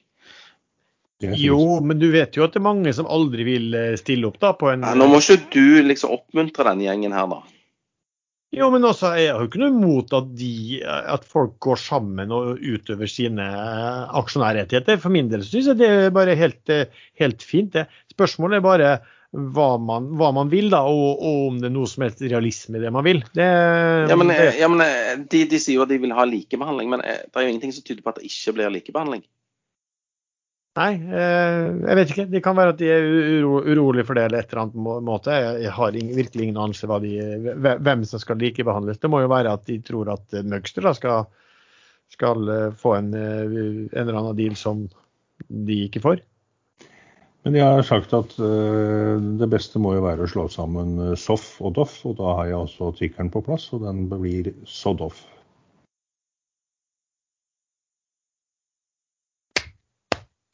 Det var, der er dere språkkyndige nok til å ta den? Ja. Ja. Det blir en bra, blir en bra tikker, i hvert fall. Vi går videre. Uh, Ja, nei, da tenkte jeg vi skulle mm, Hvis dere ikke har noe annet dere har lyst å ta opp av spesielle emner, så kan vi gå til det vi bruker å, avslutte med, som er om man har noen spesielle Skal ikke vi snakke litt om havgrupp, havgrup, da? Jo da. Ja. Jeg glemte det, vet du. Du hadde glemte vel vet aksjer i den? Eh, nei. det har du. Nei. Vi har fått spørsmål på den riktig, Sven, om, om, eh, eh, om eh, hvordan tallene var der.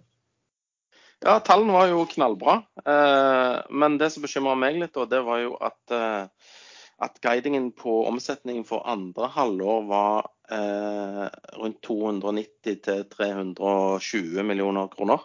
Altså for hele andre halvår. Mens omsetningen for første halvår var jo over 600 millioner kroner. Sånn at det, det ble jo en, ja, en halvering i omsetning for andre halvår i forhold til første. Så det fikk meg til å stusse litt. og eh, Jeg hadde nok kjøpt den hadde guidingen på omsetningen vært litt eh, høyere. Men eh, så, så så jeg en melding på Twitter i dag at eh, um, forfatter Tom Christensen, som er en veldig flink forfatter og skriver sånn økonomisk uh, økokrim Er det lov å si? Økokrimbøker. Det er lov å si. Ja. Ja, eh, veldig bra bøker. En kule var den første, og den var eh, knallbra. Eh, Så spør jeg han om ikke han var bekymra for, for omsetningsguidingen, eh, og han svarer jo som den flinke mannen han er. Nei, utstyrsleveranser fra Hav Design vil variere mye og er tatt konservativt inn i beregningen. Dessuten er de forsiktige i guidingen, tror jeg. Pluss mange interessante triggere framover, ikke minst flinke folk. Så der har vi da en ny aksjonær i Hav Group, eh, forfatter eh, Tom Christensen. Så får vi se om han har peiling på aksjer eller ikke, eller bare på å skrive bøker. Apropos hav, det var jo faktisk altså Av kan man være du, du var sikkert mye mer oppadgående enn meg da, Sven, som vanlig. For når jeg husker litt, når vi snakket om tallene der for eh, jeg tror det var første kvartal, så husket vi vi snakket om at guidingen var veldig bra for året. Um, ellers, og det er jo litt forsiktige folk. Så, Ja, guidingen på marginen var veldig bra. Men de hadde jo pakka inn den setningen ved å si at marginer som i 2020. Ja. Eh, Og så måtte vi jo da eh, Altså, vi fikk ikke alt servert på et sølvfat som vi liker, da. Vi måtte jo faktisk gå inn og lese hva marginen var i 2020, og den var jo betydelig bedre enn i, i første halvår 2021. Så marginen eh, er bra, da.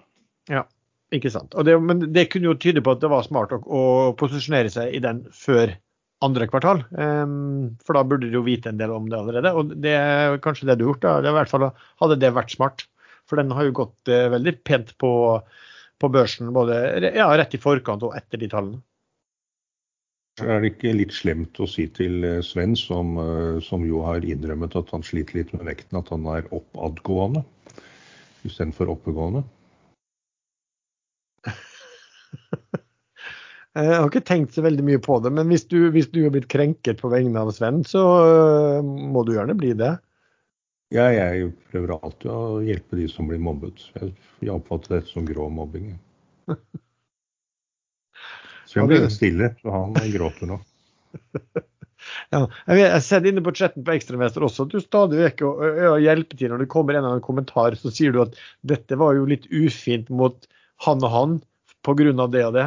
Hvor, hvor ingen andre har skjønt at dette var rettet mot en person. Men, men, det er jo selvfølgelig bare for at du er hjelpsom og ikke vil at noen skal sitte alene og bli ulykkelig. Jeg er også litt for å avlede oppmerksomheten fra egen person, så ikke ja. jeg er Sånn er det. Men OK, la oss gå over på ukens favoritter. Sven? Jeg får bare si noen uh, få uh, ord om uh, forrige ukes favoritt, GNP Energy. Jeg snakka litt om den innledningsvis. Tallene på omsetning gode. Tallet på inntjening dårlig. Eh, og guiding dårlig. Hva skjer da? Da heiv jeg alt eh, rett ut. Tapte litt penger på den, faktisk. Men sånn, sånn skjer. Eh, det er jo helt fantastisk å gå fra en margin på eh, jeg vet ikke hvor en høy margin til en veldig, veldig lav margin. Men nå har jo strømprisene gått i taket, og de har ikke klart å, å, å hive prisene over på kundene sine. Så det er vel noe som sikkert kommer til å skje og i, i hele den bransjen der framover, og sikkert òg andre bransjer der prisene stiger. Men eh, jeg har egentlig ikke noe særlig favoritt for denne uken, og jeg er veldig forsiktig. Men jeg har, som sagt tidligere i sendingen, kjøpt litt aksjer i Norway Royal Salmon, NRS. Uh, og jeg håper at uh, eierne i NTS uh, ser på oss med Eh, med, med, snille øyne og, og, skjønner at de bør eh, kjøpe ut eh, de som vil til 240, fordi at en del sikkert ikke fikk med seg at de måtte, måtte akseptere 240 forrige fredag. Så nå, så, nå, nå, så nå bruker du Jeg appellerer til uh, styret i NTS og hovedeier uh, så jeg ikke, Gåsø, heter han. Eh, eh, om å være snill gutt. Og, og, og, og, bare legge seg på bid 240, så skal han få aksjer. Nå har vel eh, de fått med seg hva du med, har gjort med ASA etter at du ble sinna der, så de tør vel ikke noe annet nå? Jeg tror egentlig han driter i det. Men uh, vi kan jo appellere. Det, han er sikkert snill. Sikkert kristen òg, og skjønner jo at han har uh, grisla til seg altfor mye penger uh, sjøl og ikke tenkt på alle andre. OK, Sven. Erlend, har du noen? Ja, jeg kan gjøre som eh, Sven og begynne med de jeg snakket om eh, sist. Da sa jeg at nå skal jeg være snill og anbefale en aksje som jeg ikke har selv, og det var eh, Context Vision. Fordi de har børsmeldt at de skal splitte selskapet i to. Og kursen er opp rundt 15-20% siden da. Og fikk vel en analyse på 35 kroner. Nå ligger den på 24, ja, nesten 25 kroner. Så det var jo riktig tolkning, men jeg er fremdeles ikke inne. Eh, og det var jo den jeg da har tenkt siden den var på to-tre kroner, at den snart skal få kjøpt. Eh, motsatt i Ensu, Ensearch Micro Batteries, eller Micropower, jeg husker ikke helt hva det heter i farten. Der mente jeg at jeg avventer til eh, B-Warrens innløsninger kommer. Det er ganske mange aksjer. Ikke fordi jeg tror at de dumpes i markedet, men fordi jeg håpet at markedet skulle tro det. Eh, men den kursen er opp over 20 siden forrige uke, så det er jeg litt sånn småsur på. Ingen som hører på meg. Eh, og så er det jo da Swipe, og de har fått den ene avtalen. Eh, men der ligger det litt i kortene at de kan fort børsmelde flere avtaler. Det er ikke kun den ene Thailand-banken som de har siktet seg på, men litt forskjellige korttyper. Adgangskort eh, mye i India og MENA-regionen. MENA er jo Midtøsten-landet. Så det, det, kan plutselig begynne å strømme inn litt avtaler derifra. og Den aksjen er sånn som egentlig bare går og går. Veldig lavt volum, men hvis man vil ha litt høyere volum og større mulighet for å komme både ut og inn, så velg heller å kjøpe den i Sverige. Swipe med Z. Okay. Uh, ja, tenkte jeg skulle snakke om en som har kjøpt da, som jeg nevnte i starten, som jeg har kjøpt nå i uken. Uh, det er bare bare fortelle litt om, uten at jeg vet hva som skjer med den i neste uke. Eh, Men jeg vil også bare si litt om den og om meglerhusene, hvordan de opptrer der. Cyvis det er et selskap som eh, altså tilhører den norske hva skal si, videokonferansesfæren. Men disse leverer også da standardiserte konferanserom, kontrollrom, opplevelsessentre, både hardware og software. Har store internasjonale kunder fra før. Fortune 500-kunder. De er priser på børsen til eh, ja, drøye 700 millioner kroner. Har vel en nettcash på rundt 50. Så det som skjedde var at De fikk faktisk en avtale da med Microsoft i februar. Der de sammen skulle designe og utvikle og levere altså, eh, hva skal vi si, collaboration solutions for det som kalles for Microsoft Technology Centers. Nå er Det jo en del selskap, det er jo alltid hyggelig at, del, at man får, får, får, den type kjempeaktører på kroken, men av og til så vet man jo ikke om hva innebærer det. Det er jo mange som har kommet med type intensjonsavtaler og fine avtaler med det ene og andre selskapet uten at det har blitt noe av det. Men i Cyvis har det virkelig blitt noe av det. Um, og det så man da når de kom med Q2-tallene.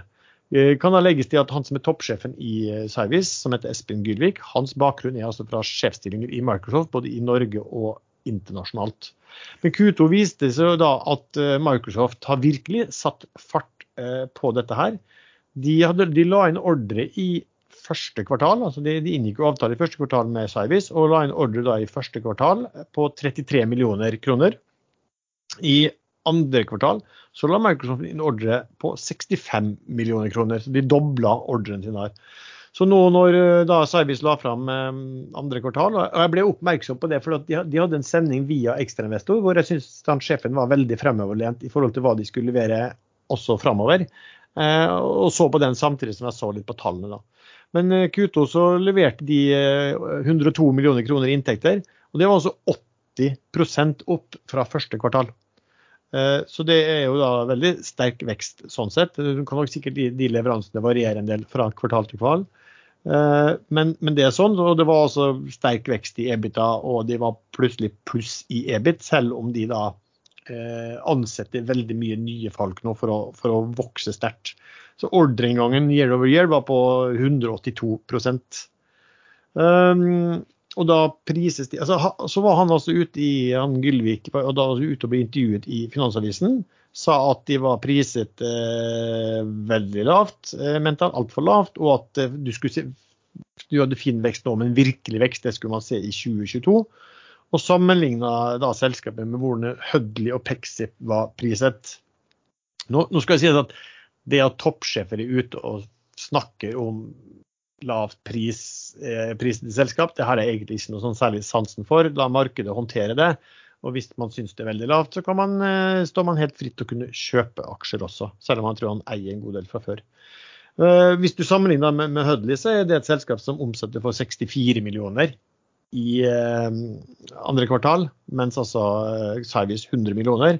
Nå har jo de bedre lønnsomhet på produktene sine, da, det skal sies, men de prises da til 2,6 milliarder eh, og Cyvis 0,7 millioner. Men så kommer det det som er litt interessant. Da. Nå har vi den, den Hei, hei, hei, hei, ja? sjefsauser. Nå må du roe deg ned. 0,7 millioner. Den, den biter vi ikke på, altså.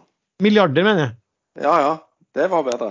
Ja, 0,7 milliarder. Sa ikke det? Ja. Nei, du sa millioner. Nei, ellers hadde det vært litt... Bare spol tilbake.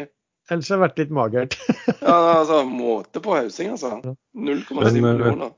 Neste gang du korrigerer Lars, kan du gjøre det med litt roligere stemme. Du vekket meg. ja, jeg syns jo òg denne monologen her var litt kjedelig. Det som er litt interessant der, er følgende.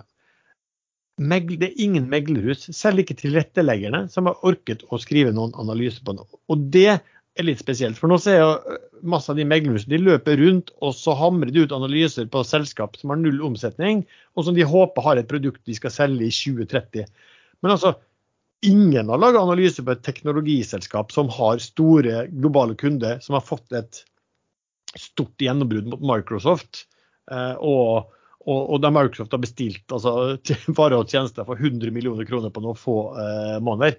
Det syns jeg er ja, Veld, veldig dårlig, for det er jo et spennende teknologiselskap eh, sånn sett. Så Det er fordi at uh, hovedkontoret er i Stavanger. Ingen spør seg.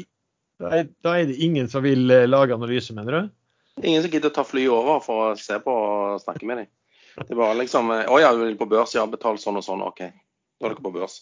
Litt sånn som dette med Questback, eh, som Pareto tydeligvis tok på børs. Det leste jeg litt om i dag. Eh, og, gjelds, altså De som eier gjelda til selskapet, tegner 99,9% av emisjonen. Det er jo helt rart opplegg. Men OK, tilbake til Lars. Nei, altså, det, det, var vel DNB og Carnegie som uh, var tilretteleggere um, for de, og det her var jo da når de gikk på børs i desember. Nå har jo, skulle vi si at Carnegie har i hvert fall gitt dem litt bistand ved at de har vært moderatorer i, i et par sendinger de har hatt, uh, hatt via oss. Men, men uh, personlig så syns jeg det er veldig, veldig svakt at de ikke har laget noen analyser på de. Og så kan jeg nevne at Jens Rugseth gikk jo inn Eh, i en private placement i eh, tidligere år også. Han er jo han som har stått ved storeier i Cryon og Link Mobility og litt sånt der også, så forhåpentligvis så har han god teft eh, på det. Han skjønner i hvert fall mye mer enn hva jeg gjør. Men eier du aksjer i Cyves? Ja, ja. Jeg kjøpte, kjøpte, den dagen vi hadde Ja, ja, fint det. fint det. Men det du da etterlyser, er en snarlig Bull-analyse fra en av tilretteleggerne, eller kanskje begge? Du kan, du, kan, du kan, jo risikere at du ikke kommer noen gode analyser. Men OK, fra ja, ja, hva, hva, hva, er sannsynligheten for at tilretteleggeren kommer med en, en dårlig analyse? Nei, det, det, vet, det, vet, vi jo. Vi har jo jeg tror jeg så nøytral, var En gang jeg så nøytral på en, eh, på en, type sånn, da fikk jeg lyst til å være short. Men nei, altså andre meglerhus må jo gjerne komme på banen med Jeg synes det er et spennende teknologiselskap som fortjener dekning, uansett hvem som måtte komme med det. Men uh, hvis de kommer med en veldig høy altså når man, de gjør, de gjør, ingenting hvis de kommer med en, med en høy uh, pris. Men jeg skal ikke si noe om hva som er Dette er en oppfordring til DNB og Carnegie sine analyseteam om å snarlig hjelpe Lars ut av Cyvis. Dere vil bli rikelig belønnet. Hyggelig omtale videre på Sånn er det. Nei, så Det er egentlig eh, mitt av det som var mitt, uh, mitt nye denne uken her, foruten da uh, Har du noe target på den der uh? Vet, nei, altså jeg, jeg, kan jo ikke regne på sånne, Sven. Det er ikke så lett å regne på den type sånne vekt. Men du, sånn type bør være priser høyere enn Hudley? Nei, jeg, jeg, kjøper ikke den helt heller, for å være sånn. Fordi ah, okay. at de driver litt med ulike ting og alt der også. så andre analytikere, for om det er selskapet å regne på, så regner du på price sale, så ja, så, så ser de veldig veldig billig ut i forhold til Hudley. Men, men er det liksom riktig? De, de, har ulike marginer, de har ulike produkter, selv om de er til dels innenfor samme bransjeområde. Men kan det, heller, det er vel heller sånn at hvis han, sjefen syns det er veldig billig, så er det jo bare å kjøpe aksjer. Han kjøper, kjøpe. Eh, Thomas Nilsen òg var ute på Twitter etter sjefen i Cyvis hadde stått i Finansavisen og, og sagt at vi er underpriser, vi er underpriser. Ja vel, så kjøp tilbake aksjer da, og bevis det, da. Liksom. Så da får de gjøre det, da. Ja, ikke sant. De har jo, de har jo ganske mye cash i, i selskapet. Det spørs jo alltid hva, hva, de har tenkt å, å bruke det til. For de, de sier jo at de skal fortsette å investere mye i vekst. De økte vel eh, antall ansatte med 30% bare i første halvår. Ja, men det er noe med at uh, et eller annet så uh, uh, snakker høyere enn bare ord. Nei, men jeg er enig, Vi har jo snakket om det før, Sven, at, at det at, at ledelsen har en liksom, oppfatning om aksjekurs, ja, det må man ofte gjøre, med, men, men, eller det kan man gjøre, men da bør man kanskje gjøre noe action i forhold til det. Jeg tror teknologien deres er knallbra. Jeg vet, jeg vet om litt om selskapet fra før, i og med at de er fra nærområdet mitt her borte. Så jeg har fulgt med de en del og syns det er veldig bra produkter de leverer. Mm. Men jeg kan ingenting om, om verdsettelsen av selskapet. Nei, altså, men det er klart, når, når, når du får Microsoft på, på, kroken som kunde, og de bestiller liksom for 100 millioner kroner i løpet av noen få måneder, så, så er du helt åpenbart eh, veldig, veldig langt framme i, i, ditt område. Det, det, er det ikke noe tvil om. og Derfor syns jeg det var rart at ingen fulgte med av eh, meglerhusene heller. OK. Eh, noe annet dere har lyst til å prate om før vi tar eh, helgen? Vi har vel nevnt før i Kvantafuel snakket om avgangen til Bøhn som CEO, som kom ganske brått på. Eh, og kursen har jo falt og falt etterpå. Nå er den på 27,2. Eh, de kom vel nå med en børsmelding eh, om at de må, de må justere litt på produksjonen. De må bygge inn en, annen, en eller annen apparatur som gjør at de får mer kontroll på forbrenningen av plasten uten at det blokkerer og låser seg. Så ting tar jo lengre tid, og det lå jo litt i kortene når han forsvant såpass fort ut. Og de har vel ikke fått ny CEO ennå, har de det? Nei. Nei. Så um, foreløpig avventer jeg. Det skal veldig mye til at kursen går rett i værs når en ny CEO kommer inn. De skal gjerne rydde, litt først og sette litt uh, få alle likene ut av skapet. Uh, de slapp vel noen lik ut av skapet nå på kvartalsrapporten. Men jeg sa vel kanskje feil her en gang til, at det er nå man burde kjøpe, og ikke først etter at ny CEO har kommet og ryddet. Men hvis, hvis, de, hvis, de, får inn en som har en eller annen tilknytning eller tidligere tilknytning, eller som er åpenbart er plukket ut av BAST, da, kan ikke det være bra? Jo, det kan være bra, men hvorfor har de da ikke gjort det ennå? Nei, det er et veldig godt spørsmål. Og så er det denne Kahytten, da. Uh, mest irriterende aksjen på Oslo Børs. Det var den jeg kjøpte på 114. Jeg markerte vel da nesten toppen og fortalte her i aksjesladder at den hadde gått og gått, så den skulle sikkert fortsette å gå. og Den måtte jeg hive ut på 111 dagen etter. Og det var jo smart, for den forsvant jo ned til 30, 30-tallet. Men nå er den på 65,5. Eh, og jeg kjøpte ikke på bunn, som man da skal gjøre når man har vært så dum og, eller vært så flink og kastet seg ut med lite tap på toppen. Da skal man kjøpe på bunn, men det har jeg ikke gjort. Nå er den opp 100 eh, snart. For et par uker. Mm. Stemmer Som syns jeg selskapet skal varsle om uh, i en børsmelding at nå om to uker så kommer vi til å ha nesten doblet kursen vår. Nei, men altså, Nå har jo aksjen steget 100% og ifølge din teori så skal du da kjøpe aksjen fordi den har steget så mye? For da kan den gå 100% til? Ja. Nei, nå har den gått 100, så nå, nå skal den sikkert gjøre som Naked USA og korrigere ned med 50% før den går 100 til. Eller 200 til. Men jo, det er, eh, det er, riktig. Det er jo en grunn til at den stiger. Eh, Og det, grunnen er? Nei, noen påstår at de aldri klarer å tjene nok penger og veksten er ikke stor nok, mens andre som jeg vet er flinke på ekstrainvestor, sier at eh, på en sånn type aksje med i det type marked, så kan man ikke se det på ett kvartal. Det må man se trenden over flere kvartal. Og det kan jo være mulig. Det er veldig sjelden at aksjer pumpes i eh, to-tre uker uh, før de dumpes. Det er 275 millioner kroner omsatt synlig i dag. Og det er sikkert eh, masse i grå, gråmarkedet eller uh, andre markeder også. Så um, det skal mye til at dette ikke er en ganske reell oppgang. At noen har sett litt mer på tallene og fått litt mer håp om at det kanskje er store verdier i det selskapet. Man skulle gått inn og kjøpt noe Softbank var i markedet og kjøpte det. For de var ikke de på 43 eller 243? Og kjøpte der. Eh, ja, da, nå nylig eller forrige gang? Eh, det var jo noe i forbindelse med fallet, men den slutta ikke. da. Den gikk vel litt opp etter det kjøpet, og så falt den tilbake igjen eh, på det også. Skal vi se om jeg husker hvor mye Softbank kjøpte 3,5 ja, De kjøpte en 7 eh, millioner aksjer, de rundt eh, ja, fra 40 til 42.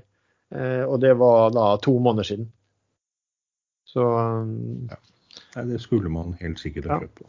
Nei, og da gikk, da gikk kursen um, litt opp etter det. for Jeg husker jeg var inne og, og trada på den. At uh, de kjøper, kjøpte du også. Så gikk den litt opp. Og så begynte den å dette ned litt igjen. og Da, da solgte jeg. Og den datt vel ned da på en rundt, rundt 37 igjen. og der begynner han å ha kommet som en rakett tilbake.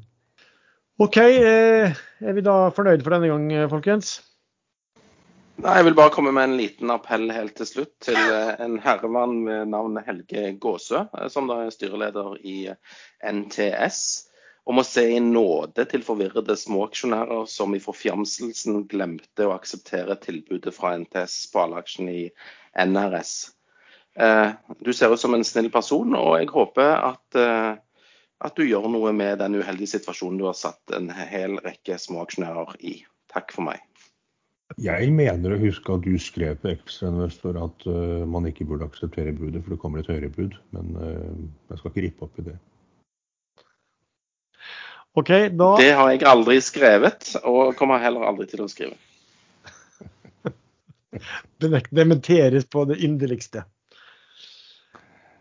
Det er Da- lært av det engelske kongehuset at hvis man eh, dementerer, så bekrefter man egentlig bare. Men eh, hva heter han, eh, en av verdens største podkaster, Jim, Jim Jordan? Er det? Jim. Rogan. Jim Rogan, ja. Han har nå fått korona, og han er en av de som da har litt sånn halvveis i hvert fall vært antivaksine. Han sa vel noe sånt som at hvis en på 21 år kommer, og sikkert ungen hans eller noe sånt, kommer og spør om han burde ta vaksinen, så ville han anbefalt han å ikke gjøre det. Eh, jeg vet ikke om den ene stød, den andres brød. Hvis den podkasten forsvinner, da kan det jo være at vi, at vi kan ta litt større verdensmarked. But then we have to speak the English. Og det blir jo et problem for flere av oss. Nei, vi har jo så mange sånne engelske ord- uttrykk. For det, det synes jeg egentlig at det var jo det 'action speaks louder than words', liksom. Jeg kom ikke på det norske uttrykket. Handling betyr mer enn Men hvis vikingene hadde vært litt flinkere, så hadde jo halve verden snakket norsk. De ga seg jo, trakk seg tilbake. Men jeg, jeg tror det kunne blitt et veldig interessant sånn innslag Språkrådet i den nye den amerikanske podkasten Stock Gossip, liksom. Ja. Ekstrainvestor tilbyr presentasjonstjenester til børsnoterte selskap. I Ukens Vik hadde vi sendinger for Petronor, Cyvis og Pexip. Du finner alle disse sendingene på incurate.com. Lenken til Incurate finner du i beskrivelsen til denne episoden. Hvis du er interessert i presentasjoner, ta kontakt på info at ekstrainvestor.com. Da takker vi så mye til deg som har lyttet på denne episoden. Eh, Du kan treffe alle oss tre her i panelet inne på chatten på Ekstrainvestor. Vi har også en gruppe på eh, Facebook som heter podkasten Aksjesladder, der du kan kommentere episoden eller eh, stille spørsmål som du vil vi eventuelt kan snakke om i kommende episoder. Musikken er som vanlig laget av sjazz.com, og vi høres.